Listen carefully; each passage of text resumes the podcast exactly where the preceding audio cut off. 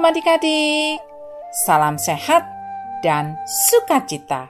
Hari ini kita akan belajar firman Tuhan dari Kolose 3 ayat 22 sampai 25. Kolose 3 ayat 22 sampai 25. Sebelum kita membaca dan mendengarkan firman Tuhan, kita berdoa dulu ya. Mari adik-adik kita berdoa. Bapa di surga, kami bersyukur untuk berkat-Mu bagi kami setiap hari. Saat ini kami akan mendengarkan dan merenungkan firman Tuhan. Kiranya Engkau beri kami kemampuan untuk mengerti dan melakukannya. Terima kasih Bapa. Dalam nama Tuhan kami Yesus Kristus, kami berdoa. Amin. Kolose 3 ayat 22 sampai 25. Hai hamba-hamba, taatilah Tuhanmu yang di dunia ini dalam segala hal. Jangan hanya di hadapan mereka saja untuk menyenangkan mereka, melainkan dengan tulus hati karena takut akan Tuhan. Apa pun juga yang kamu perbuat, perbuatlah dengan segenap hatimu seperti untuk Tuhan dan bukan untuk manusia. Kamu tahu bahwa dari Tuhanlah kamu akan menerima bagian yang ditentukan bagimu sebagai upah Kristus adalah Tuhan dan kamu hambanya. Barang siapa berbuat kesalahan, ia akan menanggung kesalahannya itu, karena Tuhan tidak memandang orang. Demikianlah firman Tuhan. Adik-adik, masih ingat dengan keluarga Bintang? Tentu ingat ya.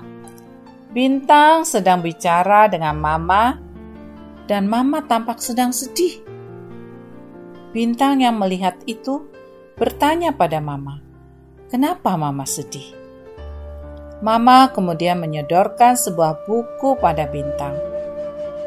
Oh, ternyata itu adalah buku rapot bintang. Bintang membuka buku itu dan bersorak. Hore, hore, bintang naik kelas ya ma. Tetapi sorak-sorai bintang terhenti karena mama masih kelihatan bersedih. Bintang kembali bertanya pada mama, kenapa mama bersedih? Sedangkan bintang kan naik kelas. Mama kemudian menunjukkan kertas yang lain. Di situ tampak nilai ulangan dan nilai tugas bintang selama satu semester. Nilainya pas-pasan. Dengan sedih, Mama mengatakan pada bintang bahwa rapot yang diberikan pada bintang menunjukkan bahwa bintang tidak bersyukur atas berkat Tuhan, tidak bersyukur bisa bersekolah dengan baik. Padahal, Mama yakin kemampuan bintang tidak seperti ini. Mama kemudian menegaskan bahwa hasil rapot itu menunjukkan pekerjaan bintang tidak diselesaikan dengan sebaik-baiknya. Yang penting, cepat dikumpulkan. Mendengar perkataan Mama, Bintang merasa sedih dan menyesal. Bintang memohon maaf pada Mama karena sudah menyelesaikan tugas asal selesai saja. Mama kemudian menjelaskan bahwa mengerjakan tugas dengan sebaik-baiknya adalah ungkapan syukur atas berkat Tuhan.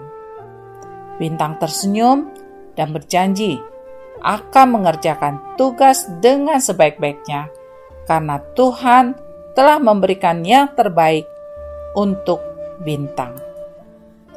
Adik-adik, luar biasa bintangnya. Dia menyadari kesalahan yang diperbuat, meminta maaf pada mama, dan berjanji untuk mengerjakan tugas dengan sebaiknya. Adik-adik juga bisa melakukan yang sama ya. adik-adik melakukan pekerjaan dengan sebaik-baiknya untuk kemuliaan Tuhan. Karena Tuhan sudah memberikan yang terbaik buat adik-adik. Sehingga adik-adik dapat berkata, Aku mau berbuat yang terbaik untuk kemuliaan Tuhan. Sekali lagi ya, aku mau berbuat yang terbaik untuk kemuliaan Tuhan. Demikianlah renungan kita hari ini. Mari adik-adik kita berdoa. Bapa di surga, Tuhan telah memberikan yang terbaik kepada kami. Ajar kami meniru teladan Tuhan dengan melakukan pekerjaan kami sebaik-baiknya. Terima kasih ya Tuhan. Dalam nama Tuhan Yesus. Amin. Sampai berjumpa lagi adik-adik. Tuhan Yesus memberkati.